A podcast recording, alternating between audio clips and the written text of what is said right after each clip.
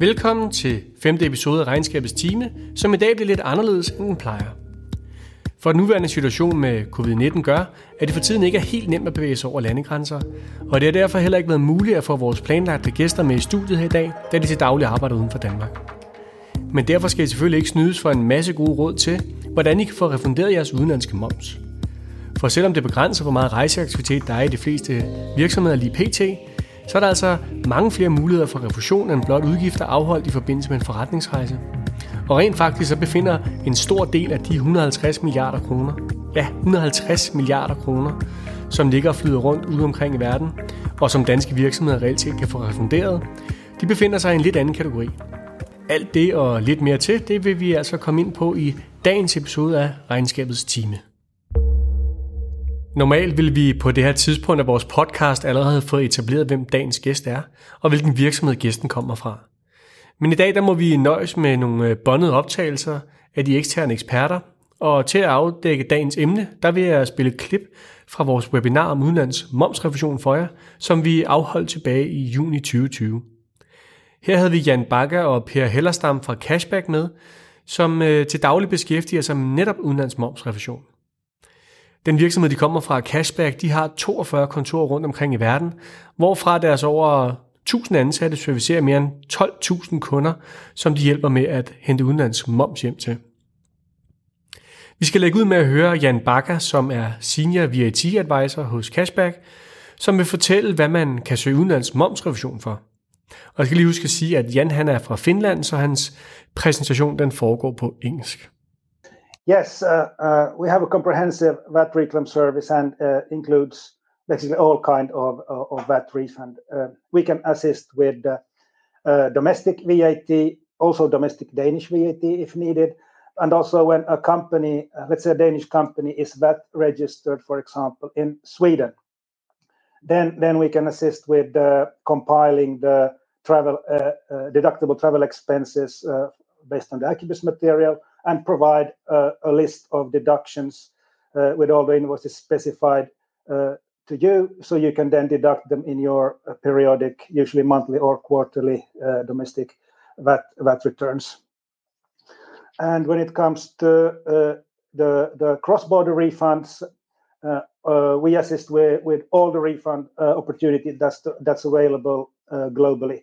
Uh, so in, in, addition to the 28 EU countries that are refunding, there is also an additional about 15 countries today that also uh, pay refund to, to foreign companies. The most important, of course, being uh, Norway and, and Switzerland, but also countries like uh, so, uh, United Arab Emirates, Saudi Arabia, South Korea, Australia, New Zealand, also Japan uh, operate refund schemes. Uh, when it comes to travel expense and entertainment costs, the most common refundable costs are hotel, car rental, fuels for the rental cars, taxes, meals, mileage related VAT.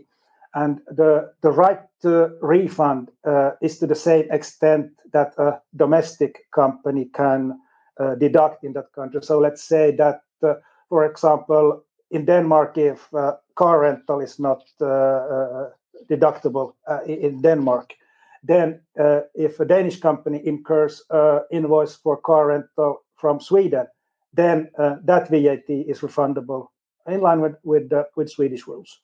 We also, of course, assist with with accounts payable invoices. those are, of course, usually quite a lot bigger amounts than a, than a single hotel invoice. Example of such uh, costs are research and development costs abroad, uh, tooling if there is production uh, in, a, in, a, in a far country where, for example, a Danish company uh, pays for part of the production, tools like machinery or molds or, or stuff like that. And then there might be clinical trials, uh, all kind of intercompany invoices, uh, a big item usually is also conferences and and events. Maybe not so many lately, but uh, but that's usually a big big portion. Uh, a single example might be if you buy packaging material abroad, where your products are, are, are produced, different kind of sponsorships, And then a big item is also import VAT. Let's say that the Danish company imports goods from outside EU and uh, the goods enters EU, for example, in, in France, then French uh, import VAT has to be paid, and that is also also refundable. Det, som Jan han siger her i forhold til T&E uh, Travel and Entertainment, det, det er jo, at uh, langt de fleste af de udgifter, man har, når man rejser, det er altså nogen, der er forbundet til selve det at uh, være ude på en forretningsrejse. Det er sådan noget som hoteller, billeje, øh, uh, benzin, tog, busser, øh, måltider og, og kilometergodtgørelse osv.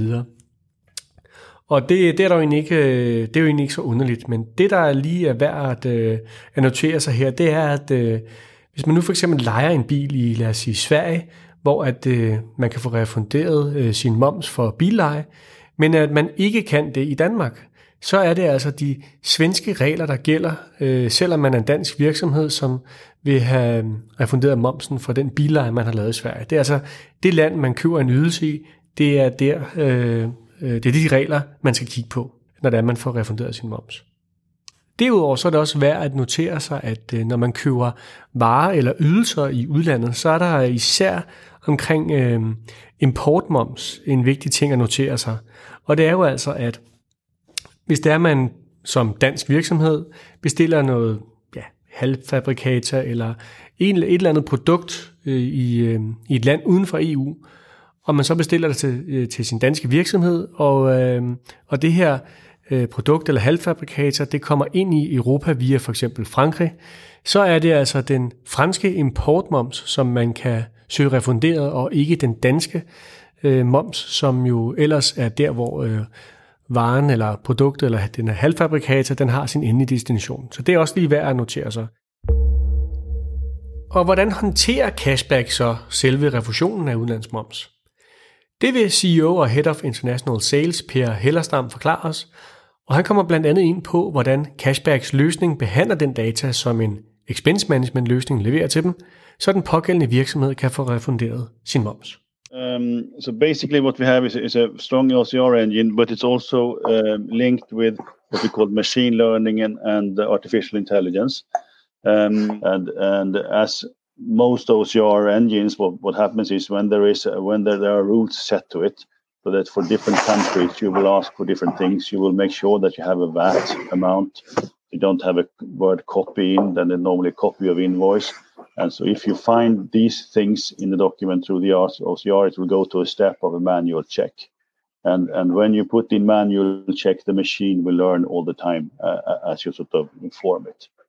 Uh, it's also important, I think, to note that quite a lot of invoices that we will get through the system will not be compliant for different reasons. Uh, one is perhaps a, a poor scan, Another can be that uh, you have a, an, an, invoice, typical hotel invoice issued in the name of the traveler and not to the company. Uh, another situation. So we have a, a big reissue department that will actually work only with getting new and corrected invoices from suppliers. So those those can be attached to the claim, so we don't miss out on that VAT. We will be handling actually your money when we are doing the service. So it's important that you can track track how the how the how the process is going so we have something called the VAT cloud. This is where we um, uh, where we show the process where it is. So once there is a, a claim file, it's always per country um, that you claim from. You can follow the file's lifespan through this uh, VAT cloud. You can see what status we are in. For instance, quite often you will have a status where the claim has been accepted but not yet paid out. There is a lag in between that, so you can actually follow those different steps. You can also see if a claim has been partly rejected, if it's resubmitted and, and that kind of thing, if there's a problematic file, which is normally not the case for travel and entertainment. Og med det er vi ved at være nået til vejs ende for en uh, lidt utraditionel episode af Regnskabets Time. Vi har lagt et link ind til en e-bog i, øh, ned i beskrivelsen af selve podcast-episoden, det er en e-bog, som hedder Den ultimative guide til udenlands momsrevision, og her kan I altså blive meget klogere på, ja, dels øh, de her ting, som Per og Jan de var inde på, men I kan også se en øh, lang række fejltyper eller grunde til, at man ikke søger udenlands momsrevision. Og det er ligesom for at afdække, at der faktisk er et potentiale for at øh, hente en del penge hjem til, til rigtig mange virksomheder. Tusind tak til Jan og Per, fordi de ja, endnu en gang deltog, kan man sige. Og tusind tak til alle jer, der lyttede med derude. Husk, at I kan abonnere på Regnskabets Time, der hvor I henter jeres podcast fra. Så er I sikre på, at der hver mandag lander et nyt afsnit i jeres podcast feed. Tak fordi I lyttede med, og hold jer endelig ikke tilbage med at give en 5-stjerners rating, hvis I kunne lide dagens episode.